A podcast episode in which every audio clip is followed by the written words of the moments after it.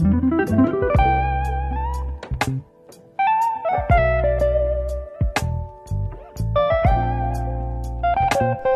datang kembali teman-teman di podcast AJG bersama aku On Christopher Pasaribu. Dan aku Feliani.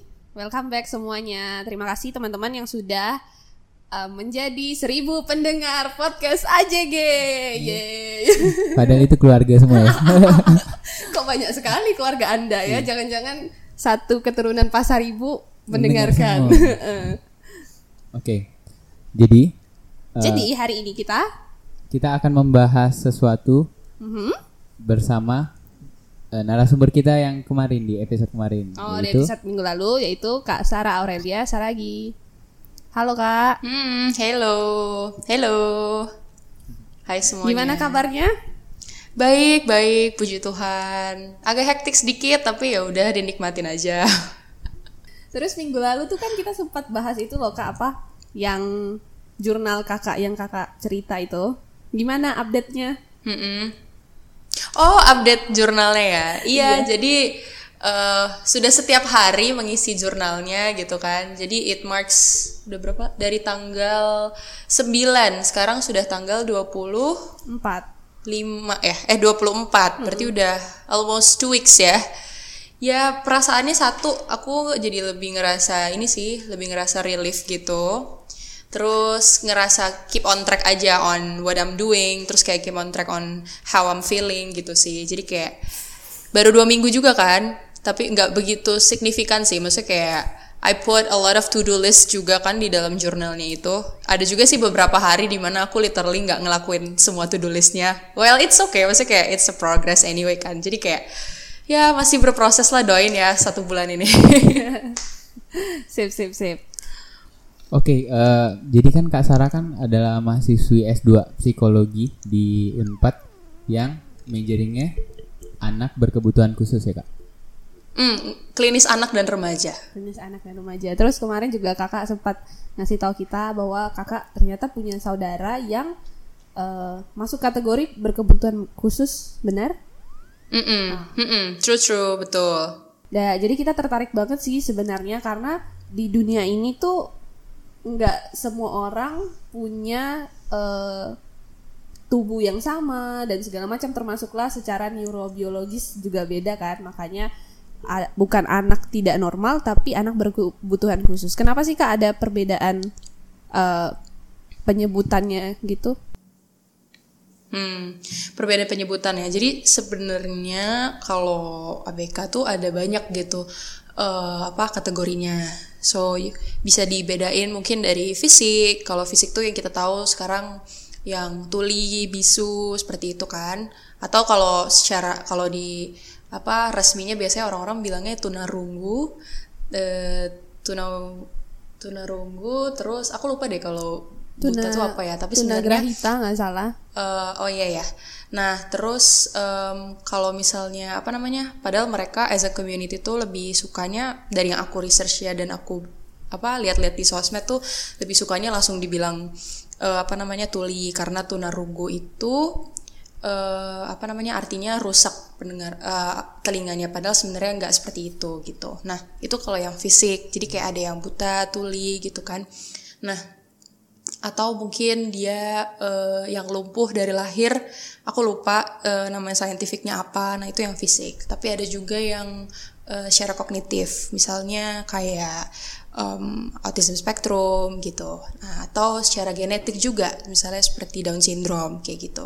Nah eh, Down syndrome atau eh, cerebral pa- cerebral palsy nah jadi eh, ABK itu kenapa dibilang berkebutuhan khusus ya karena mereka memang butuh assistance yang lebih gitu dibanding yang typically developing gitu. Cuman memang karena mereka butuh assistance yang khusus gitu kan dan pun cara mereka belajar berbeda gitu kan. Kayak kalau misalnya yang tuli kan pakai bahasa isyarat, kalau yang eh, ASD misalnya spektrum autisme itu butuh apa eh, guru pendamping di sekolah mes- meskipun sekolahnya sekolah inklusi gitu. Jadi kenapa dibedain? Sebenarnya bukan dibedain sih tapi lebih ke supaya apa ya membantu untuk tahu sebenarnya kebutuhan mereka itu kan beda-beda ya tergantung dengan kondisi si anaknya gitu. Jadi ya gitu sih kalau anak berkebutuhan khusus tuh kayak ada klasifikasinya gitu. Gitu deh. Berarti eh, anak berkebutuhan khusus itu eh, mohon maaf apakah itu bisa disebut penyakit kah atau gimana tuh? Hmm, enggak, enggak, enggak bisa disebut penyakit for some cases. Kalau buat kayak spektrum autisme itu nggak bisa disebut penyakit, tapi lebih ke gangguan perkembangan, eh, gangguan saraf gitu. Kenapa dibilang gangguan perkembangan?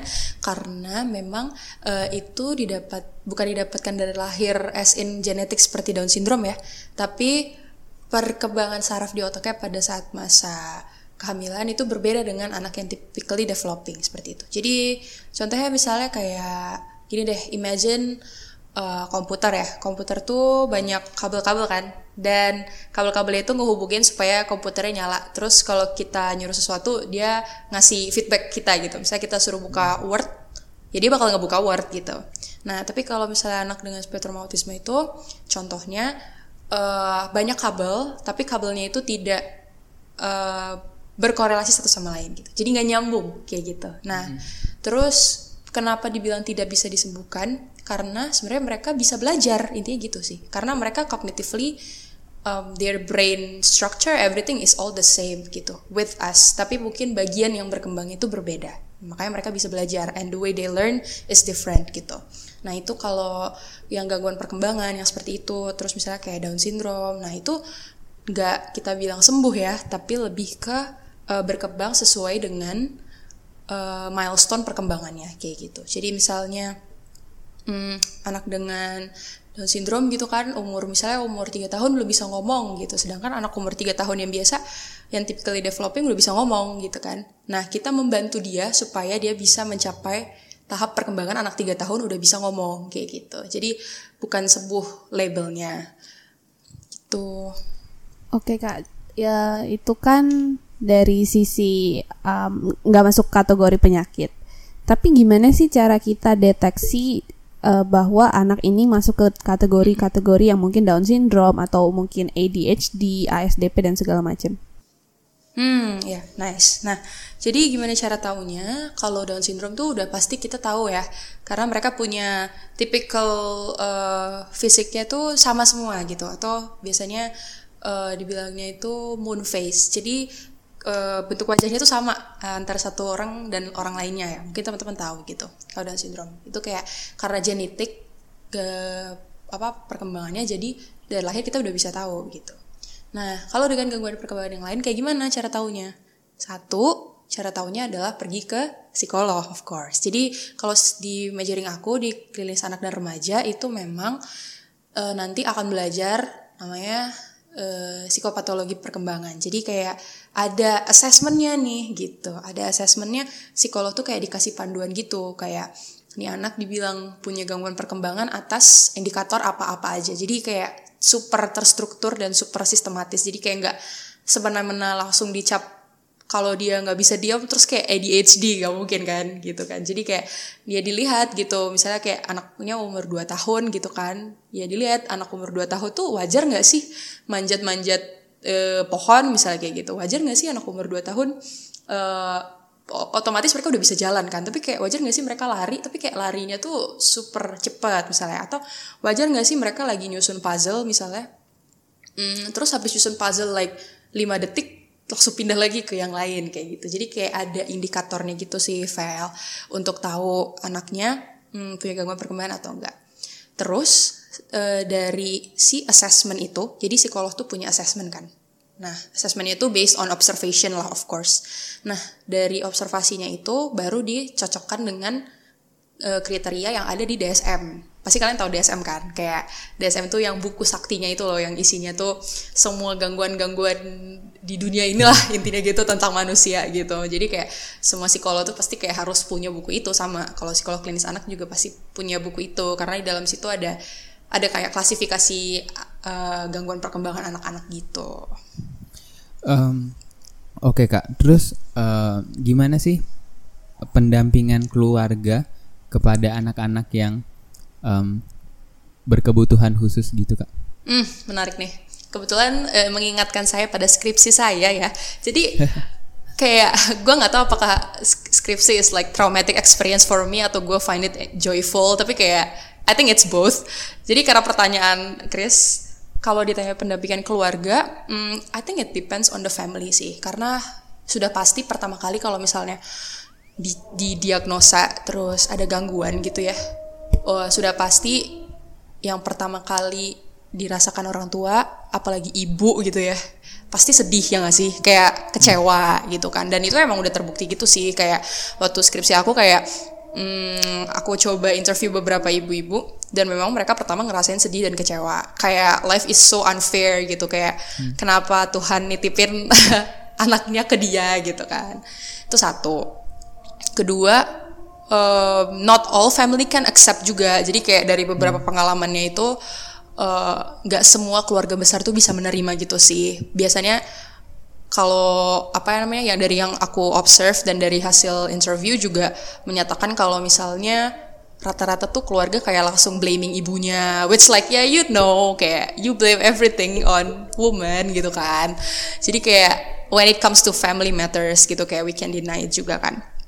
Nah terus ketiga uh, pendampingan keluarga itu juga ya depends on the husband juga sih. Karena kan orang tua ya. Maksudnya kan gak cuma ibu kan yang yang apa namanya yang uh, aktif gitu buat benerin gak benerin sih buat apa namanya bantuin anaknya supaya bisa belajar lah gitu kan. Nah jadi kayak ya for some cases kadang husband tuh nggak begitu supportive tapi ada juga yang supportive. Jadi kayak emang bener-bener depends on how they react gitu sih. Nah jadi kalau dari deskripsi aku tuh didapetin kalau misalnya the more support the mothers get, the more resilient they become gitu sih. Jadi hmm.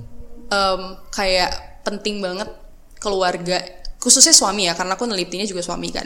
Khususnya suami untuk ya gitu membantu ibu gak usah ngomongin keluarga besar deh karena kayak keluarga besar tuh kan ada banyak kan faktor-faktornya gitu kan entah itu dari mertua entah dari ibu sendiri gitu kan nah tapi kalau dari suami orang yang paling deket ya itu emang butuh banget untuk mendampingi ibunya karena it's it's a lifetime experience gitu kan. Once you're being a mother regardless of the condition of your child ya anak tuh kayak tanggung jawab gitu kan. Meskipun gue juga belum punya anak dan kayak gue nggak tahu sih rasanya gimana ya. Tapi kayak berdasarkan yang gue baca dan dari skripsi gue ya apa ya the feeling of responsibility-nya tuh harus bareng gitu sih. Nggak boleh nggak boleh ibunya doang atau nggak boleh bapaknya doang kayak gitu itu kan mungkin dari sisi orang tua ya kak ya. Berarti stepnya setidaknya mm -hmm. orang tuanya harus punya penerimaan juga uh, at the mm, same time true.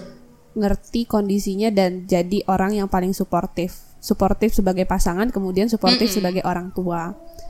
Tapi kan anak iya, ini benar benar. Mm -mm, tapi kan anak ini ke depannya bakal masuk ke masyarakat ya kak. Hmm gimana sih biasanya mereka survive di masyarakat gitu kan karena beda tadi itu. Hmm. Hmm, hmm, hmm. Iya, nah sebenarnya kalau gimana cara mereka survive di masyarakat itu makanya ada pusat-pusat terapi gitu. Jadi uh, mereka itu mungkin ada beberapa yang disekolahkan gitu kan. Ada yang di sekolah inklusi, ada yang SLB, ada yang di sekolah biasa. Ya nah itu depends on the child gitu dan juga tergantung orang tuanya gitu kan. Nah, tapi biasanya mereka itu dibarengin dengan terapi juga gitu. Terapi itu kayak bimbelnya lah kayak kalau kita kayak mereka G, kita GO gitu kan. Nah, kalau mereka kayak ada terapinya. Jadi kayak sebelum sekolah atau setelah hmm. sekolah nanti mereka bakal terapi. Nanti di terapi itu ngapain sih? Nah, itu diajarin life skills, diajarin cara komunikasi, diajarin cara buat apa namanya? Mm, daily life skill diri dia sehari-hari kayak mulai dari pakai baju, cara makan, terus kayak toilet training dan lain sebagainya gitu kan.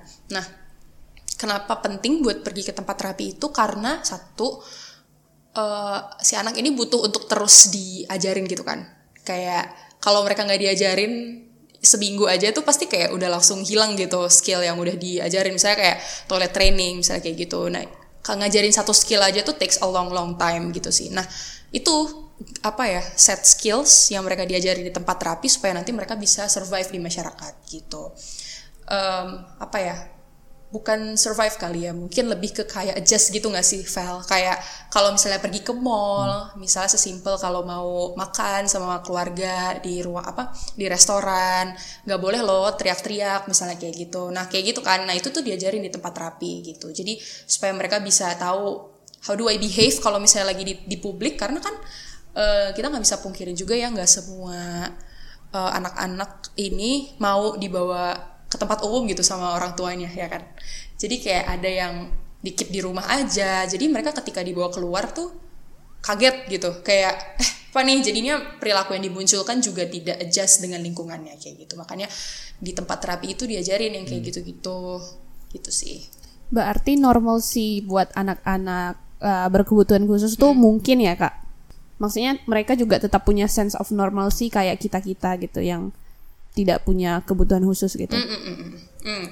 sense of sense of normality ya mm, uh, what I say for sure is that they do have feelings jadi kayak they know when they are being judged sama juga kayak kita gitu. They know when they are being stared at and they feel anxious about it they don't feel comfortable about it gitu.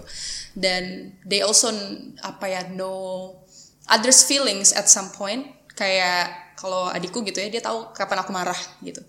Jadi dia bisa behave sesuai dengan oh kalau kakak marah tuh gue nggak boleh minta beliin macam-macam karena kakak lagi marah kayak gitu. Jadi kayak they learn things um, emotions life skills everything tuh just like us gitu sih kalau if uh, sense of normality of course they do have it gitu tapi one thing for sure adalah they have feelings for themselves gitu sih they can sense it lah gitu Eh, kalau di pop culture sekarang, gitu kan drama Korea banyak banget kita nonton ada film yang eh, lagi digandrungi banyak orang, itu kan juga ada salah satu "Mm-mm, It's it's, okay. okay." to not be okay.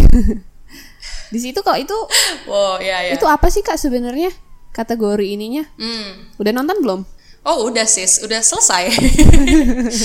gue gue tim yang selalu nungguin setiap minggu ya kebetulan. Jadi ka- itu apa gitu ya? Em, jadi itu tuh drakor dan bukan romcom ya. Menurut gue itu far far from romcom karena kayak um, portrayalnya bener-bener the life of someone yang punya siblings uh, ASD kebetulan spektrum autisme. Jadi you know why it relates to me so much. Karena kayak bener-bener setiap gue nonton tuh ya emang gue nangis terus setiap episode gitu. Karena kayak wah iya banget cuy gitu. Kayak how is this so true and so relatable to me gitu kan. Dan it also relatable to my brother gitu. Jadi kayak wow keren sih. Dan yang jadi it's okay not to be okay itu drakor dia memang ngangkat isu-isu tentang mental health. How do they angkat-angkat isu mental health-nya? Kerennya adalah setiap episode itu pasti ada satu uh, disorder yang mereka angkat gitu. Jadi misalnya episode 1 tentang abangnya spektrum autism gitu kan. Nah terus misalnya kayak episode berapa ya aku lupa. Episode 6 apa episode 7 tentang PTSD jadi kayak bener-bener di setiap episode tuh ada disorder yang baru dan ada contohnya yang mereka kasih tahu ada portrayal behaviornya dan kayak apa ya dan aku suka banget dari It's Okay itu a lot of things I like beside Kim So Hyun dan si uh, Soyejinya uh, dan si abangnya juga uh, Sangtae-nya. Yang aku suka tuh alur ceritanya si Vel bener-bener portray how um, people with um, autism spectrum in, try to interact with each other try to expose themselves to the public gitu kan. Terus kayak bener juga nge-portray the siblings kayak the struggle dari si Gangtae-nya juga on handling his brother gitu-gitu on apa ya repressing himself yang kayak gitu. Terus aku suka juga kayak bener-bener humanity healing banget sih. Kalau mereka kan describe it's a humanity healing drakor. Menurutku iya karena it makes you think that mm, everyone has their own battle. Dan kayak you should try to be there for everyone regardless of how apa ya weird you think they are kayak gitu. Karena ada satu episode yang episode tuh tentang dia tuh anak politician terus dia tuh lagi di maniak dia punya disorder maniak gitu. Jadi kayak selalu adrenalinnya tuh ada mulu gitu. Nah there's one scene di mana dia diusir karena dia di scene itu dia kayak telanjang gitu. Terus ternyata akar permasalahannya kenapa dia kayak gitu? Karena orang tuanya nggak pernah merhatiin dia dari kecil kayak gitu. Jadi kayak wow I think it's very rare for Asian people to expose that and put it into drakor ya. Karena kayak wah itu iya banget kan. Maksudnya um, itu akan relate ke banyak orang. Karena kayak a lot of people have parenting issue gitu kan. Jadi kayak ya itu sih. Jadi kayak reminder that you should be kind to other people. Terus kayak reminder that you should be kind to yourself too terus kayak ya itu benar-benar it's okay not to be okay banget. Kayak ya makanya gue nangis kan karena kayak benar-benar literally you don't feel okay watching it gitu kan. And then it's okay kalau misalnya lo nangis selama nonton itu gitu. Jadi I recommend every one of you meskipun lo nggak suka drakor ya tapi um, life lesson dan value dari drakornya gue suka banget sih. Bagus banget. Eh, aku mau nanya kak, apakah anak dengan kebutuhan khusus tuh mereka tahu mereka berbeda nggak? Hmm, nice question. They know. At some point in life they know. Um, how do they know? Bisa karena orang tuanya memberikan pengertian, gitu ya. Bisa dengan kakak adiknya mungkin memberikan dia pengertian, gitu. Bisa juga dengan judgement orang-orang ketika melihat dia, gitu. The same as us ketika kita diliatin banyak orang gitu kan kita pasti kayak eh, emang kenapa gue kenapa sih? Kayak gitu. And then we try to seek the answers by ourselves kan. Kayak iya ya gue kenapa ya? Apa yang aneh ya dari gue ya? Kayak gitu gitu and they know gitu at some point. Ketika dijudge dari tatapan mata lah dari dari kata-kata lah dari apa gitu kan ya mereka tahu gitu kayak apa ya yang beda dari aku? Gitu. Jadi ya they know sih sebenarnya. Tergantung anaknya ya balik lagi gitu. Oke, aku punya pengalaman nih kak dengan eh, anak berkebutuhan khusus. Jadi pas aku eh, fotokopi, jadi kayak mau fotokopi terus ini ada eh, mas-mas yang Down syndrome. Terus dia yang jaga parkir kan. Lalu waktu itu aku ini nggak nggak bawa uang kecil, nggak bisa ngasih parkir. Terus dia bilang ini, bilang eh nggak apa-apa bang, lanjut aja, lanjut aja. Terus aku di situ kayak ngerasa eh, ngerasa sesuatu kan, kayak ngerasa kasihan atau gimana. Nah seharusnya kita tuh eh, gimana sih kak? Apa ya? Apakah kita harus mengasihani atau gimana kita ke mereka? Karena kalau eh, orang-orang dengan eh, disabilitas, mereka kadang ini pengennya dianggap sama, diperlakukan sama. Kalau anak berkebutuhan khusus gimana kak? Hmm, I see. Pastinya satu, jangan pernah nunjukin kalau lo kasihan. Karena kayak dikasihani itu sucks man. Kayak kita aja deh misalnya ya. Kalau misalnya orang ngebantu gitu, tapi kayak karena ih kasihan gitu kan. Kita kan jelas langsung kayak, hah gue nggak minta bantuan cuma karena lo kasihan sama gue kayak gitu. Mereka juga sama kayak gitu. Jadi kayak um, try to make a gesture di mana gue gak kasihan kok tapi kayak ya emang simply gue genuine aja misalnya kayak gitu. Kalau dia sebaya sama kita misalnya gitu ya. Atau kayak pengalaman Chris tadi kalau dia bilang gak usah dikasih ya udah gak usah dikasih. Karena dia sudah bilang nggak usah bang nggak apa-apa kayak gitu kan. Jadi kayak they, they, they try to communicate it with us juga gitu kan. Dia udah ngasih tahu gitu. Jadi kayak hmm, eh, jangan di jangan tunjukin rasa kasihan itu sih tapi lebih ke respect aja. Kayak misalnya respect as in oh mereka nggak suka nih misalnya kayak difotoin misalnya gitu kan. Ya udah nggak usah gitu. Atau misalnya kayak mereka nggak suka eh, apa namanya eh, misalnya nggak suka dikasih tempat duduk hmm, cuma karena apa namanya cuma karena eh, sisa kursinya cuma satu misalnya gitu ya. Terus kayak mereka udah bilang enggak deh nggak usah nggak usah nggak mau duduk misalnya gitu. Kalau di bus atau di mana gitu atau di public places gitu kan. Ya udah try to respect it aja gitu sih sama kayak eh, ke kebanyakan orang pada umumnya gitu. Gitu sih. Dan juga mm, respect is also the way kayak misalnya kalau ketemu di tempat umum gitu kan eh, jangan long staring ke mereka gitu loh. Kalau misalnya mereka lagi ada perilaku yang mungkin tidak baik terlihatnya gitu kan. Jadi kayak eh, kalau misalnya perilakunya menurut mm, kita tidak sesuai dengan kalau misalnya di mall eh, lompat-lompat misalnya di atas eh, apa namanya di lift misalnya kayak gitu kan karena mereka happy dan lain sebagainya ya nggak usah diliatin sih gitu. Tapi lebih yang ke yang kayak ya senyumin aja gitu kan. Terus kayak ajak ngobrol kayak biasa gitu. Jadi kayak try to respect them that way gitu. Kayak ajak komunikasi ajak ngobrol. Karena seneng kok kalau diajakin ngobrol gitu. Mungkin at some point mungkin nggak begitu nyambung ngobrolnya misalnya gitu kan. Tapi ya udah ajak ngobrol aja karena they also love to communicate juga gitu kan. They also want to interact juga gitu. Jadi respect sih sebenarnya yang paling kunci utamanya gitu. Berarti membangun interaksi yang normal-normal aja sih ya kayak kita sama teman-teman dan uh, orang-orang pada umumnya gitu kan, stranger ataupun keluarga dekat. Mm-mm, true bener-bener betul Terus ada last question. Ternyata kita sudah pertanyaan terakhir, Kak. Wah, cepet juga ya. Oke. Pertanyaan terakhirnya adalah em, Kakak kan salah satu mahasiswa S2 berarti kemungkinan besar juga setelah lulus em, trajektori kerjaannya akan di bidang ini gitu kan. Ya. Apa sih harapan Kakak untuk penanganan ABK yang lebih ramah mungkin dari pemerintah ataupun dari masyarakat? Hmm, harapan ya. Wow, I have a lot of hope regarding children with um, neurodevelopmental disorder ya. Ada banyak sih, Vel.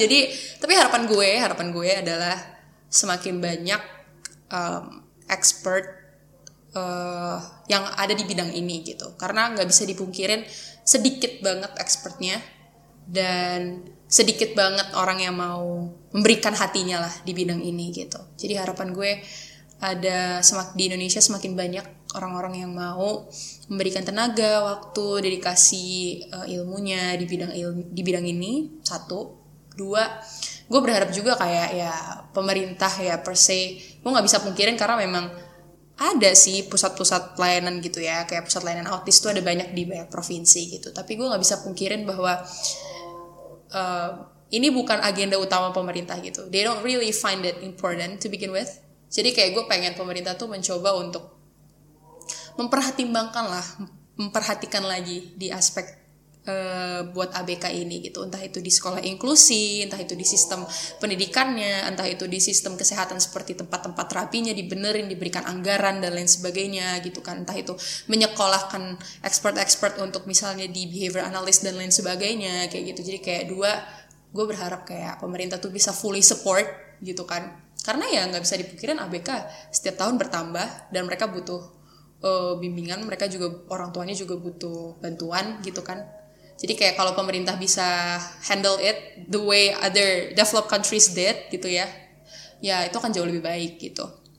Ketiga harapannya ya semoga hmm, mungkin kayak teman-teman yang sekarang lagi magister psikologi profesi dan khususnya di klinis anak remaja yang punya interest di bidang ini to keep on going sih. Karena kayak uh, apa ya bidang ini kan lumayan challenging dan kayak lumayan butuh tuh orang-orang seperti teman-teman gitu. Jadi kayak ya terus berjuang aja terus berjuang terus kayak terus berusaha supaya kita bisa bantu lebih banyak orang tua lagi dan lebih banyak hmm, apa namanya anak-anak di luar sana.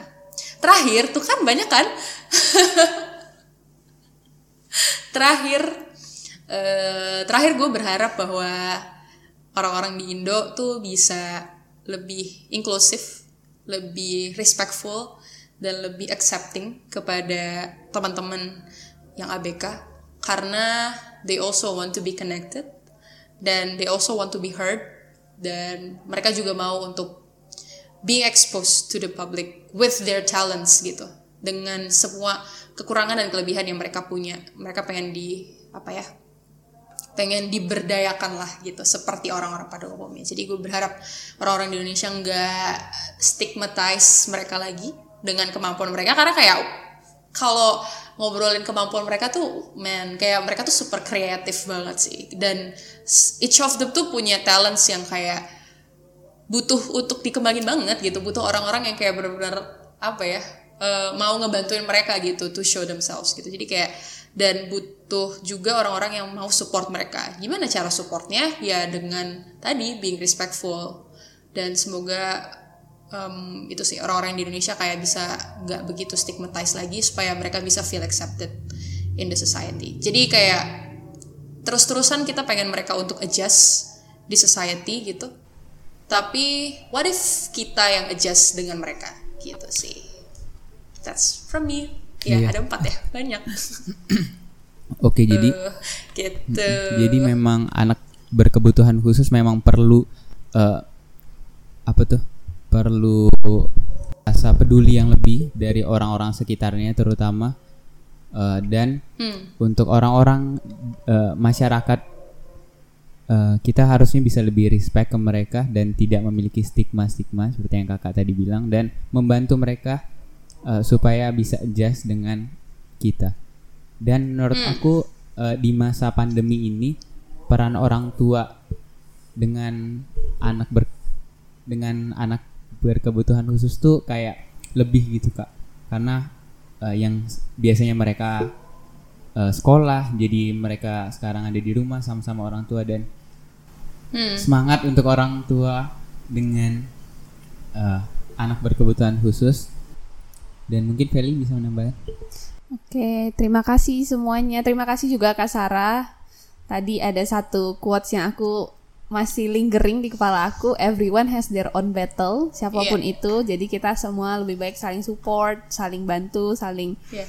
um, memberikan semangat daripada menjatuhkan satu sama lain dengan stigma-stigma yang negatif. Apa pun itu, regardless of uh, the person, regardless apa pun lah penyakitnya atau latar belakangnya. Thank you so much Kak Iya. untuk uh, waktunya. Yes, thank you banget ya Feli sama Owen udah mau ngobrolin tentang ini. It means a lot. Iya aku senang banget kak dapat banyak hal baru juga nih soalnya kan biasanya taunya cuma kayak dari uh, berita-berita gitu. Hmm. Iya. I see. That's nice. Thank you. thank you.